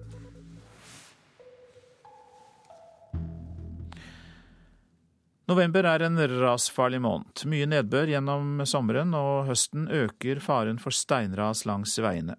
For to uker siden skjedde det langs fylkesveien ved Notodden i Telemark. Ja, vi har renska rasområdet for alt løst som er igjen nå. Så skal vi bare sette bolter til betong, så vi kan armere og støpe opp helt opp til toppen av eh, muren der. 13,5 meter er det vel. Så blir 150 kubikk med betong inni hula der. Ja, Det forteller altså Bjørn Greibesland, som eh, er hyra inn for å sikre fjellsida på Tinnsjøveien. Her gikk det et eh, steinras. Mange kubikkmeter med stein og masse raste ned. Men ikke ut i veien, takket være rassikring som ble foretatt på starten av 2000-tallet. Og geolog i Statens vegvesen, Audun Langli, forteller at sikringa virka denne gangen. Det raste ut mellom to støttemurer. Ca. ti kubikk, kanskje. Men vi hadde satt opp nett over dette heldigvis den gangen i 2000, så det raste kontrollert ned grøfta. Så det kom aldri ut i, ut i veibanen. Vi er inne i november måned, og som geolog så sier du at det er en typisk måned med mye ras. Hva kommer det av? Ja, Når vi får eh, sånn som nå, vekslinger rundt null grader, og så da samtidig nedbør, og så den temperaturvekslinga da. Da får du den fryse-tine-prosessen på vannet som gjør at eh, det presser på å få ras. Rasstatistikk fra Statens vegvesen viser at Telemark har flest registrerte ras i region sør. I løpet av tolv år er det registrert over 1200 større eller mindre ras, og da er ikke rene snø- og isras med i beregninga. Det er altså over dobbelt så mange som i Vest-Agder med 541, og i Buskerud med 473. Geolog Audun Langli mener registreringsrutiner kan være forklaringa på at det er så stor forskjell mellom Telemark og de andre fylkene. Men statistikken viser også at antall ras i Telemark er doblet de siste to årene, sammenligna med 2009 og 2010. Og med milde vintre blir det også flere ras, forteller Langli. Så lenge du har stabile temperaturer under null grader, så roer det seg ned. Men det vi har opplevd nå de siste par åra fort, og hele landet, er at det plutselig du får hatt kuldeperiode kanskje en måned, og så slår det om til mildvær, og så får du regn. Da øker det veldig fort, for da ikke, kommer ikke vannet seg unna. Det renner på bakken. Hvordan ser dere, merker dere klimaendringene? Det har vært mye mer nedfall nå, og spesielt i sommer, enn det har vært tidligere i sommer. For nå har vi hatt mye mer regnvær og mye mer veksling i temperaturene. Ikke stabilt varmt. Tilbake til Tinnsjøveien. Der steinblokkene har rast ut, er det fire meter inn i fjellet på det dypeste. Likevel, Bjørn Greibesland er straks ferdig med sin del av jobben. Og han er sikker på at det ikke blir mangel på nye fjellsikringsoppdrag med det første. Det er veldig mye å gjøre nå. Det er blitt mer fokus på ras, og raser jo overalt pga. nedbør og sånne ting. Så da blir det mer og mer av det. Nå er det jo på tampen her på østsida av Norge, men på Vestlandet er det jo hele året. Der er det veldig mye å gjøre, for det er jo milde vintre. Reporter Ken-Willy Wilhelmsen. Når kommer Obama? Det spørsmålet stilles i Kenya, for det er seks år siden han besøkte landet der hans far vokste opp. Mer om det etter Dagsnytt. Boligdebatt blir det i Politisk kvarter, der Høyres Michael Tetzschner møter SVs Inga Marte Torkelsen.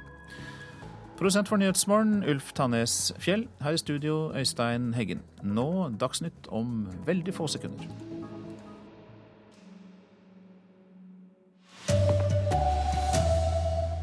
Det nye sykehuset Ahus skulle ikke ha korridorpasienter. I oktober lå over 1000 pasienter på gangen eller på overfylte rom. Familien og venner av Sigrid Isgjerde Skjetne mobbes på internett. Og mange feirer nok fortsatt i Rosenes by. Molde er seriemester i fotball for andre år på rad. Her er NRK Dagsnytt klokka 7.30. Over 1100 pasienter lå i korridoren eller på overfylte rom på det nybygde sykehuset Ahus på Lørenskog i oktober. Til tross for at sykehuset altså er helt nytt, så har et økende antall pasienter siden i sommer blitt henvist til gangen. Det er ikke 17. mai, det er Ahus som åpner. Det er et sykehus med bygg for framtida. Men fire år etter er Fremtidssykehuset allerede overfylt. Flesteparten av sengeområdene har til enhver tid flere pasienter enn det de er i utgangspunktet dimensjonert for. Foretakstillitsvalgt Kai Øyvind Brenden forteller om den verste måneden så langt i år. I oktober lå 800 pasienter på gangen og 300 på rom som er for små. Så fremt man ikke kompenserer med bemanning, så er det klart at det er en trussel mot pasientsikkerheten. Og overbelegget har ført til flere feil ved sykehuset, forteller direktør ved medisinsk divisjon Yngve Mikkelsen. Men selv om vi ønsker å åpne masse nye senger, eh, så er det slik at det personellet faktisk ikke er tilgjengelig. Eh, og da må vi gjøre det beste ut av det vi har, eh, fordi pasientene kommer, og løsningen er ikke å lukke døra. Det betyr effektivisering, men hovedverneombud Finn Halvorsen tror ikke det er nok. Etter min vurdering så har vi en knapphet i forhold til sengearealer. Nå må spaden ned i jorda igjen, sånn at pasientene får plass på fremtidssykehuset. Vi ser ikke noen annen løsning enn at vi må få gjort noe med arealsituasjonen. Og på lengre sikt få eh, planlagt og bygd ut mer permanent areal her oppe på Nordbjørgen.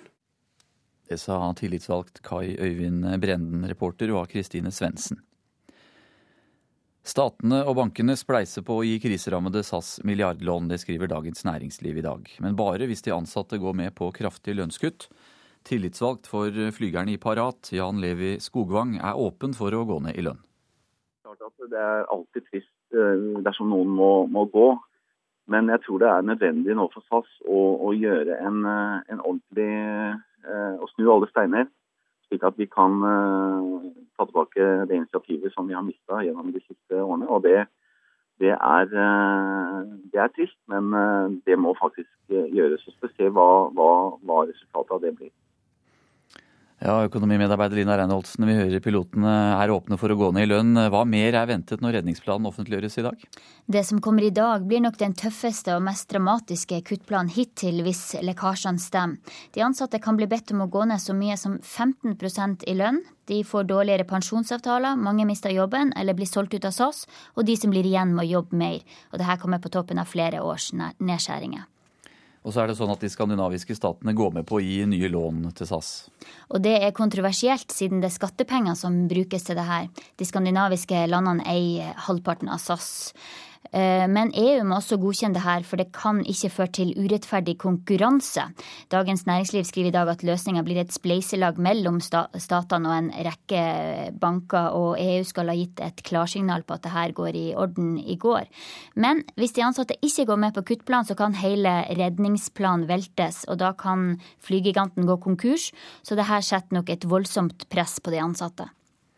Vi får se hvordan det går. Takk skal du ha, Lina Reinholdsen. Denne spareplanen den legges altså fram klokka åtte i dag om en snau halvtime. Nærmeste familie og pårørende av Sigrid Giskegjerde Skjetne, som ble funnet drept 4.9, blir mobbet på et svensk nettsted. Nettforumet er Sveriges største, og en av dem som opplever å bli hengt ut som bl.a. gjerningsmann, er Bjarne Koren, faren til en av Sigrids venninner. Det gjør så utrolig vondt å lese slike ting om sine nærmeste. At jeg, det er helt ubeskrivelig. Bjarne Koren er far til venninnen Sigrid Skjære Skjetne, var hjemme og så film hos kvelden hun ble borte. Skal vi, hva, hva skal vi søke på? I en diskusjonstråd på det svenske nettstedet Flashback spekulerer personer med pseudonym om mulig hendelsesforløp og hva som kan ha skjedd. Jeg fikk jo sjokk. Direkte sjokk av all den hetsen som framkom. Ja, jeg er jo da sannsynligvis Jeg er kriminell, jeg driver med smugling, jeg er sannsynligvis pedofil sammen med sønnen min, og sønnen min er pedofil, og datteren min er utilregnelig og gal, og ja, you name it. Flashback er Sveriges største nettforum med omtrent 680 000 medlemmer.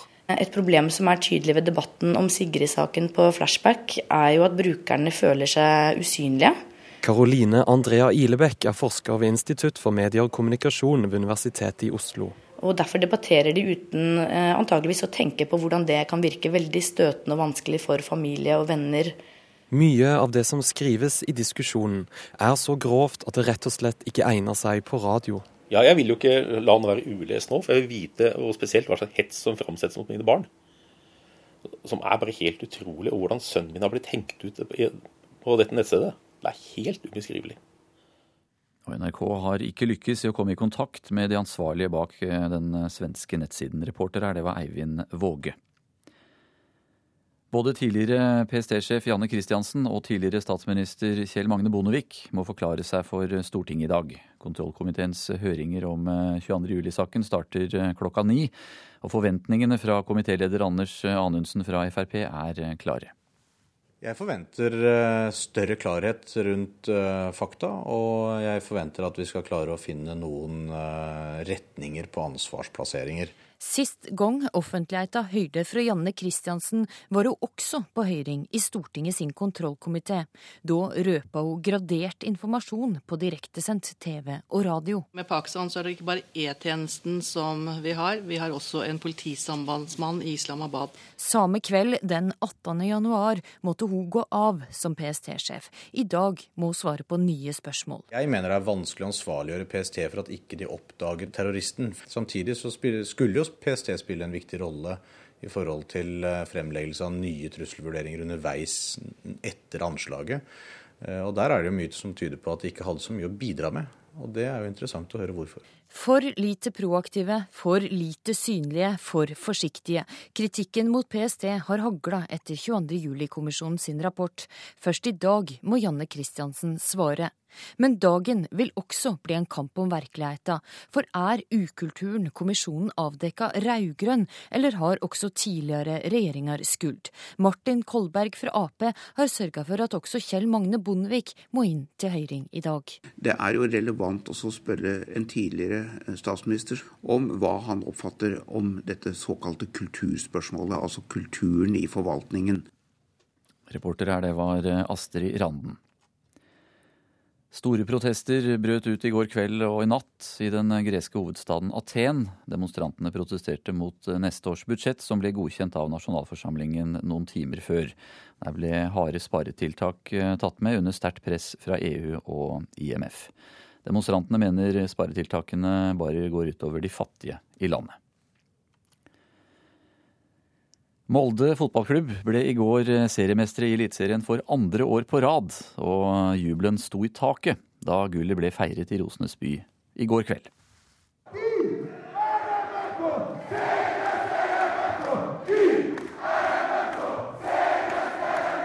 Ingenting å si på stemninga når kaptein Daniel Berghestad dro i gang allsang under gullfeiringa i Molde i går kveld.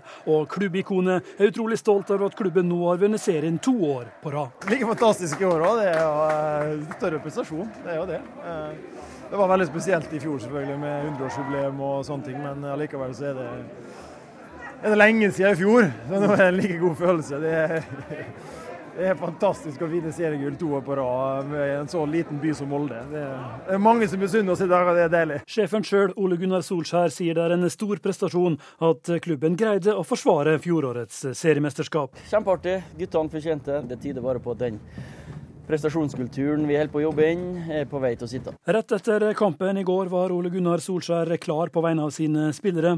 I kveld skulle de ha en stor fest. Når du vinner seriemesterskapet, som skal være så stor som det overhodet går an å bli, og øh, hvis det er noen som går hjem før klokka ett av spillerne, så blir jeg skuffa. Og Solskjær trengte ikke å frykte at noen av hans spillere skulle gå tidlig hjem fra seiersfesten i går kveld, for slik hørtes det ut i festlokalene sent i natt.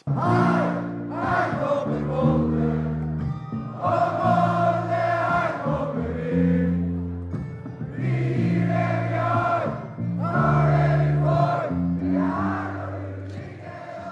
Ja, flere av de døra her de feirer eh, kanskje ennå. Ansvarlig for eh, sendingen Erlend Rønneberg. Hanne Lunås har det tekniske ansvaret. Jeg heter Anders Borgen Werring.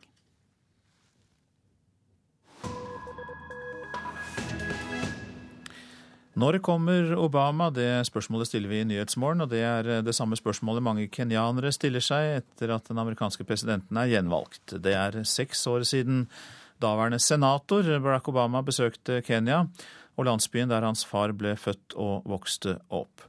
Lars Sigurd Sunana har laget denne reportasjen fra Nairobi.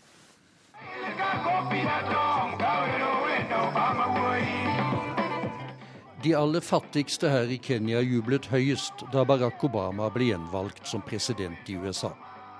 I den store Kibera-slummen i Nairobi tilhører svært mange av beboerne Luo-stammen. Og siden Obamas far var Luo, Født og oppvokst i den lille landsbyen Kogelo nær Viktoriasjøen, var det som om en av deres egne nå hadde fått fire nye år i Det hvite hus i Washington.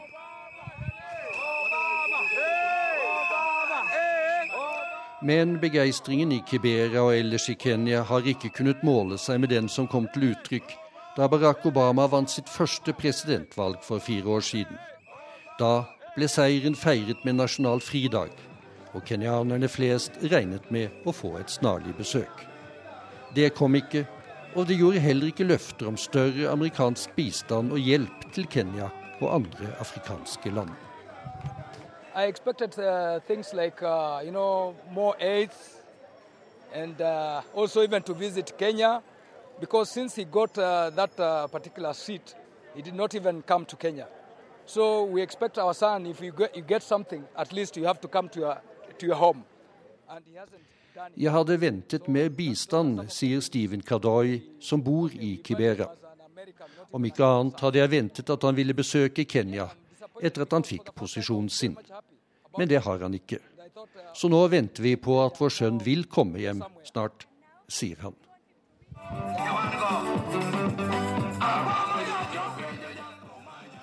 Lovprisningen av Obama i Kibera øker neppe presidentens reiselyst på kort sikt. De fleste observatører her i Nairobi mener at han i hvert fall vil vente med å komme til det er gjennomført frie og ryddige valg på ny president og nytt parlament i Kenya i mars neste år. Og selv da vil det kunne være skjær i sjøen. Den internasjonale straffedomstolen i Haag i Nederland har tiltalt to av de ledende presidentkandidatene, Uhuru Kenyatta og William Ruto, for forbrytelser mot menneskeheten. Begge skal ifølge tiltalene ha hatt sentrale roller under volden som rystet Kenya etter presidentvalget for fem år siden, da 1100 mennesker ble drept og hundretusener drevet fra hjemmene sine.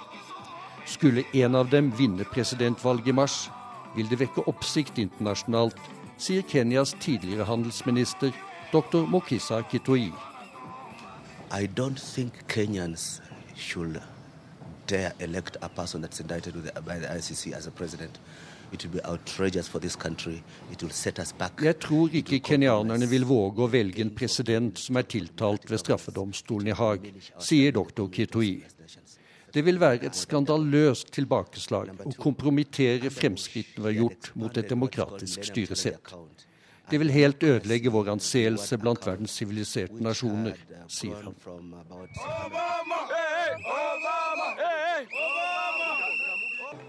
Når Obama kommer, er ikke det viktigste for hans tilhengere i Kibera-slummen. Det er at han kommer en dag. Selv når hans nye presidentperiode er over i USA. For i Kibera vil mange ha ham som ny president i Kenya når den tid kommer. Josef Ogundo er en av dem. And I pray that even if he finishes his term at the end of the four years or five years, then uh, he should come back here and be our president for the next 10 years. Dette er hovedsaken i Nyhetsmorgen. Over 1100 pasienter lå i korridorer eller på overfylte rom på Akershus universitetssykehus i oktober. Den norske, svenske og danske staten vil trolig gi nye milliardlån til SAS sammen med flere banker. Både tidligere PST-sjef Janne Christiansen og tidligere statsminister Kjell Magne Bondevik må forklare seg for Stortinget i 22. juli-høringen i dag. Og i Politisk kvarter skal SV avsløre planene for neste stortingsperiode. Sigrid Solund? Mer statlig styring over boligpolitikken er ett av områdene SV vil satse på, men Høyre ber dem dempe reguleringsiveren og heller gå i seg selv. Dag legger SV fram forslaget sitt til arbeidsprogram, altså det partiet skal ha som basis for politikken sin etter neste stortingsvalg. I regjering eller i opposisjon. Inga Marte Torkelsen, statsråd og SV-nestleder, det er du som har ledet dette arbeidet. Og dere har forsøkt å prioritere hardt og landet på tre nasjonale reformer. En av dem handler om bolig, den skal vi snart gå nærmere inn på. Hva handler de andre om? Det tar utgangspunkt i at vi har to kriser og en stor nasjonal utfordring som vi må gi svar på. Og Det ene er miljø- og klimakrisa. Eh, det andre handler om fordelingskrisa, som vi særlig ser utslag av i Europa nå. Eh, og utfordringen handler om at vi kommer til å bli seks millioner mennesker i Norge ganske raskt. Og den befolkningsøkningen den kommer til å, å særlig komme i storbyområdene våre, og særlig på Østlandet. Så den første saken vi reiser, det handler om behovet for en grønn transportomlegging som både skal svare på miljøutfordringene vi har, eh, og som også skal svare på den utfordringa med befolkningsøkning. Fordi at i realiteten står vi overfor et valg. Kollektivtrafikk eller kø og kaos. Eh, og Derfor er det den ene eh, saken, i tillegg til boligbygging. Og det andre handler om skole. Det handler om at hvis vi skal klare å gi alle barn tilnærma de samme mulighetene i livet. Hvis vi skal bekjempe klasseskiller og hindre at de fortsetter å utvikle seg gjennom skolegangen. Og hvis vi skal sikre at barna eh, gjennomfører, at alle gjennomfører videregående skole, så må vi gjøre mer også på grunnskolenivå. For det er tidlig innsats som teller. Så en ny nasjonal skoledag med lærersatsing er den tredje saken. Så dette er velkjent SV-politikk, da. Hvor mye har hensynet til å tiltrekke seg nye velgere hatt å si, og taktikk, når dere har valgt ut disse områdene? Ja, Vi eh, mener jo selvfølgelig at det er viktig å ha populære saker. Det skulle da bare mangle. Og jeg tror jo at eh, det er populært å få til en skikkelig satsing på kollektivtransport, sånn at ikke vi ender opp med å stå i kø hele gjengen. Eller at det skal være god fremkommelighet for eh, syklister i byene, sånn at du har et alternativ. Eh, og at du har et trygt alternativ. For det, det er jo en gruppe også som er veldig utsatt for trafikkulykker.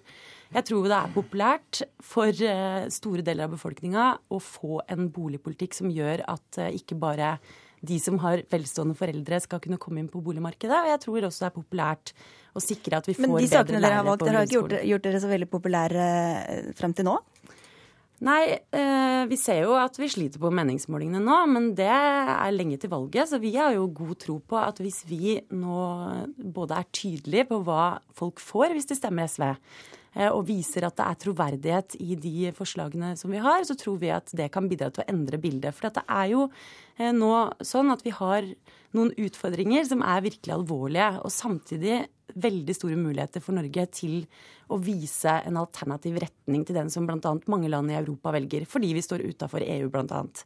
Og jeg tenker at eh, det bør jo være mulig for et sosialistisk miljøparti å gjøre det bra i en situasjon hvor eh, det skrikes etter mer politisk styring, og ikke mindre politisk styring. På hvilke områder går dere inn for en markert annerledes politikk enn den som den rød-grønne regjeringen fører i dag? Eh, det dreier seg ikke om en markert annerledes politikk, men det dreier seg om å forsterke en retning og være tydeligere i prioriteringene sine. På asylfeltet f.eks.? Eh, ja, på asylpolitikk så er det et brudd, men nå tenkte jeg innenfor disse tre hovedsakene. Ja, Men generelt i Men asylpolitikken, absolutt. Men det vi ser når det gjelder asylpolitikken, det er jo at det er også internt i eh, de to partiene som vi samarbeider med, Arbeiderpartiet og Senterpartiet et sterkt ønske fra veldig mange om at vi skal ta mer hensyn til barn. Ikke minst filmen til Margrethe Olin, De andre, viste jo det sterke engasjementet som er for eh, asylbarna, og at vi ikke skal eh, sende ut unger som er i en krise bare de når 18-årsdagen. Eh, de fleste er glade på 18-årsdagen sin. Dette er en gruppe som blir sendt ut på 18-årsdagen sin. De aller færreste reiser hjem. De blir heller sendt ut i en usikker tilværelse. Der er det et sterkt engasjement fra mange. Nå skal vi få inn litt motstand snart, men først eh, kommer SV også til å gå inn for å heve skattenivået, som dere har vært med på å beholde de siste årene? Vi sier ikke eh, tydelig verken ja eller nei til det. Det vi er opptatt av, er å diskutere konkrete eh, skatteendringer. Det, det, vi skal være garantisten for, det er at vi skal ha et rettferdig skattesystem. Der hvor eh, de rikeste betaler etter evne også, og vi ikke skal få flere nullskattytere. Vi tar til orde for å innføre en finansskatt Eh, som eh, sikrer at ikke vi eh, får en mer liberalisert finanssektor eller en større finanssektor enn nødvendig framover, og som kan gi penger til fellesskap til f.eks. å gjennomføre et løft i grunnskolen. Og der er det sikkert han som sitter ved siden av deg som gjerne har noen motargumenter, men vi skal ta boligfeltet først, eller det det vi skal gå inn på. Hvordan skal staten og politikerne ta mer grep om boligpolitikken som dere etterlyser? Det er på flere områder, men utgangspunktet er altså at etter at uh, Willoch uh, liberaliserte boligpolitikken på 80-tallet, så har vi sett både en brems i boligutbygginga. Uh, I 2011 så ble det igangsatt færre boliger enn det gjorde i 1983, til tross for denne befolkningsutviklinga som jeg har vært inne på. Eh, vi ser også at det har vært en firedobling av prisene, og det henger jo selvfølgelig sammen med at det bygges for lite. Det er for mye overlatt til markedskreftene og kommersielle interesser. Hvordan skal dere endre det? Hva skal politikerne gjøre? Og derfor er det noen hovedgrep som vi foreslår. Det ene er at vi ønsker at det skal vedtas en nasjonal boligplan i Stortinget med jevne mellomrom, som ser framover og ser hva trengs av nye boligprosjekter. Hvordan kan vi sikre at vi både bygger i takt med befolkningsutviklingen, hvordan kan vi sikre varierte bomiljøer, som ikke minst er viktig her i Oslo, hvor vi ser at deler av boligmassen forslummes, og det rammer bl.a. barn. Vi ønsker å pålegge kommunene å bygge mer. Det er jo eh, bl.a. Høyre uenig i, men vi mener at det er nødvendig. Å pålegge også regionalt plansamarbeid. Og så sier vi at situasjonen f.eks. her i hovedstaden, hvor det er 22 000 tomter som er ferdigregulert, men hvor det ikke bygges fordi det ikke er lønnsomt nok for utbyggerne, det gjør at vi må også vurdere nye virkemidler utover Husbanken som vi ønsker å satse videre på. Eh, og Det kan være å etablere et statlig utbyggingsselskap eller gi støtte til kommunale utbyggingsselskaper, sånn at vi bygger på de regulerte tomtene. Nå må vi få inn Michael Tetzschner her, du er boligpolitisk talsperson for eh, Høyre. Du sier at SV vil friske opp sin reguleringsivrige profil, men er du uenig i at det trengs mer styring og kontroll? Eh, nei, slett ikke. Vi kan ikke kontrollere oss til produksjon. Og det er jo godt å si at SV er gjenkjennelig, for de har jo denne uendelige gleden over å tenke seg statsdrift på alle områder. Og det kan jo være et par andre oppgaver som staten også burde ordne opp i.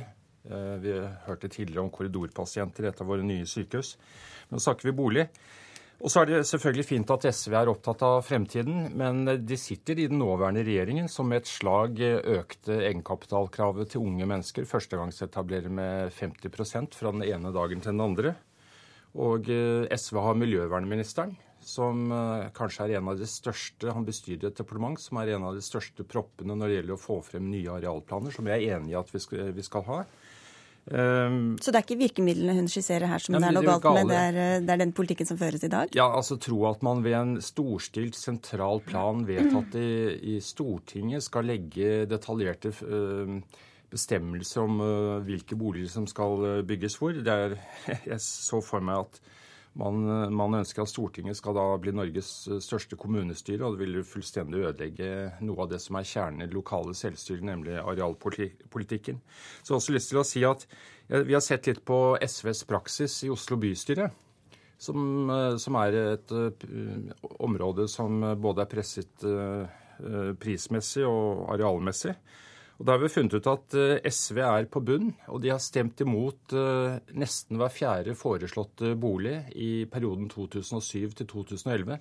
Så kanskje man kunne snakke internt i SV, både med miljøvernministeren, som da sitter og blokkerer en god del eh, kommunale arealplaner, men også sine partifeller i Oslo, som i praksis stemmer imot boligbygging. Vel, eh, Først så har jeg lyst til å si at jeg aner en litt sånn undertone av eh, nedlatenhet fra det som Tetzschner her sier. Særlig knytta til at bolig liksom ikke er så viktig. Jo, det er sagt. Eh, og at derfor så bør staten holde seg unna. At dette, er, man bør heller konsentrere seg om sykehus osv. Vi er veldig for at vi skal ha trygge og gode sykehus. Eh, men vi er også veldig for at folk skal kunne få seg et hjem.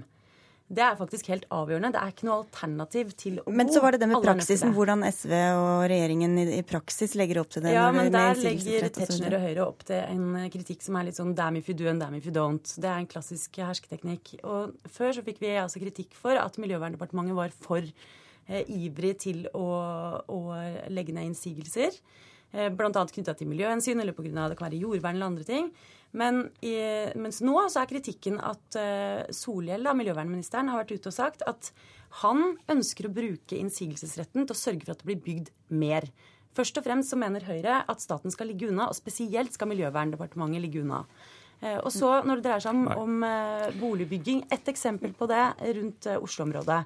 Fornebu- Fornebulandet. Der ble det bygd Der foreslo Høyre, som hadde rent flertall, 5000 boliger. Så kom staten og sa ok, det skal bygges 6000.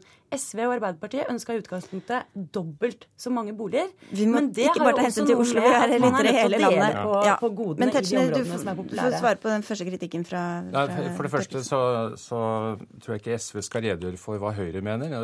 Øh, Vi ønsker at øh, staten skal øh, ha virkemidler i boligpolitikken. For øvrig så etterlyser vi nå på tredje året boligmeldinger fra regjeringen som ikke har kommet frem, hvor vi kunne fått anledning til å diskutere flere virkemidler i sammenheng. Men vi eh, mener at husbanker f.eks. er veldig viktig for svakere stilte grupper, sånn at de kan få adgang til boligmarkedet. Så der er dere enige? Vi er for eh, utvidelsen av startlån, men vi er også mot eh, denne voldsomme skjerpelsen for unge førstegangsetablerere, som nå blir avvist av, bankvesenet, enda de har kjempegod gjeldsbetjeningsevne, og nå må altså belaste ordninger som ikke er laget for den gruppen i det hele tatt. Ok, og men- dessuten, dette med innsigelser. Vi, vi opprettholder vår eh, generelle eh, skepsis til den bruken av innsigelser, men så har altså da eh, partifelle av eh, Inga Marte her funnet på at man kan bruke innsigelser på et nytt område, nemlig å si nei til arealplaner som man selv ville funnet annerledes hvis man selv satt i vedkommende kommunestyre. Poenget er bare at vi er nødt til å bygge mer at Ja, det er jeg helt enig i, men da må vi gjøre det, hvordan, skal, hvordan skal Høyre gjøre det, da, bortsett fra å gi Det er ikke alle som har råd til å spare på BSU Vi har 22 eller statlige bremseklosser som kan nedlegge forbud mot å realisere boligplaner. Vi må gå gjennom dette kritisk. Vi må se på praksisen. Vi må få bort motkreftene til boligbygging. Det er da vi kan begynne å snakke Ja, sammen da- om å øke tilbudet. Fordi at eh, Problemet bl.a. her i Oslo det er altså at det står 22 000 ferdigregulerte tomter som ingen vil bygge ut på. Og Grunnen til det er at det er ikke lønnsomt nok, fordi det bl.a. ikke er i de områdene hvor man kan kan tjene mest penger. Og eksempel? det Nei, men vi har altså dessverre at ikke det tid til er eksempler. Mange boligløse i, dette, i denne kommunen, og det er flere etter at Høyre overtok. Det er fordi folk er tvilsomme til om de kan stole på om de har rammebetingelsene for lønnsomhet når feltet er ferdig. Og det kunne kommunen gjort noe med. Ok, er. Michael Tetzschner og takk for at dere var med i Politisk kvarter.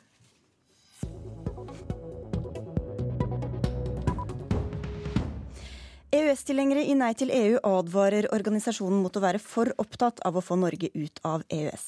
Flere sentrale tillitsvalgte sier til Klassekampen og Nasjonen i dag at EØS-motstanden har økt for hvert landsmøte nå sist i helgen som var. Tidligere nestleder i Nei til EU, Jostein Moen, du trakk deg fra styret nå og sier at det ikke er naturlig for deg å være tillitsvalgte lenger. Hvorfor ikke? Nei, fordi at Nei til EU er en bred folkebevegelse med nesten 30 000 medlemmer som er forent i kampen mot norsk EU-medlemskap. Og det som skjer nå er at Nei til EU i stadig økende grad fokuserer på ut av EØS. Og da er det en del av oss som er kritiske EØS-tilhengere, som får problem med å henge med i svingene. Hva sier andre meningsfeller av deg som du har snakket med om det her?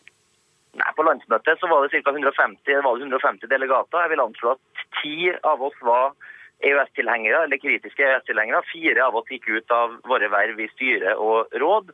Og da var EØS, den økende EØS-motstanden viktig. Og vi vet jo at vi har et bakland av sosialdemokrater, venstrefolk, KrF-ere og folk i fagbevegelsen som har stor forståelse for det. Men majoriteten av medlemmene er jo ikke enig med deg. Hva er det galt med at organisasjonen velger den veien eh, som medlemmene vil? Nei, ingenting er galt med det. og Nei til EU vedtar en masse god politikk.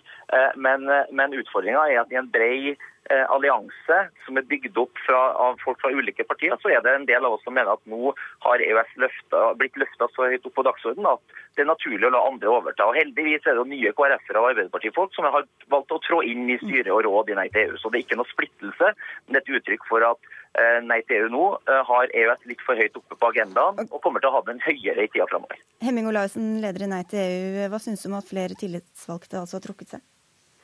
Nei, jeg beklager jo det, men samtidig som Jostein sier, så har det jo kommet nye folk inn. Slik at det er ikke noe splittelse i Nei til EU. Når dette spørsmålet nå spiser seg mer til, så, så handler det først og fremst om at det spiser seg til utafor Nei til EU, altså i samfunnet, i fagbevegelsen særlig. Så er EØS blitt et, eh, et varmt tema. Eh, og det slår også inn i Nei til EU, og det gjør også litt mer utfordrende for eh, folk med sosialdemokratisk bakgrunn. Men er du enig, at, ja, for du er enig i beskrivelsen at Nei til EU har beveget seg også mer i retning Nei til EØS? Ja, jeg er enig i det, og det har jo sammenheng med at 75% av norske folk sier nei til EU, slik at det spørsmålet er jo ikke så brennbart. Hvor naturlig tror du det blir å være EØS-tilhenger i en organisasjon som har et mål om å jobbe aktivt for å få Norge ut av EØS? Min ambisjon er at Nei til EU fortsatt skal være en brei eh, allianse og folkebevegelse hvor det er plass til alle som er mot norsk EU-medlemskap. Takk skal du ha, Hemming Olaussen, og takk også til Jostein Moen. Politisk kvarter er slutt for i dag. Mitt navn er Sigrid Solund. Nå fortsetter P2s Nyhetsmorgen. Du har hørt en podkast fra NRK P2.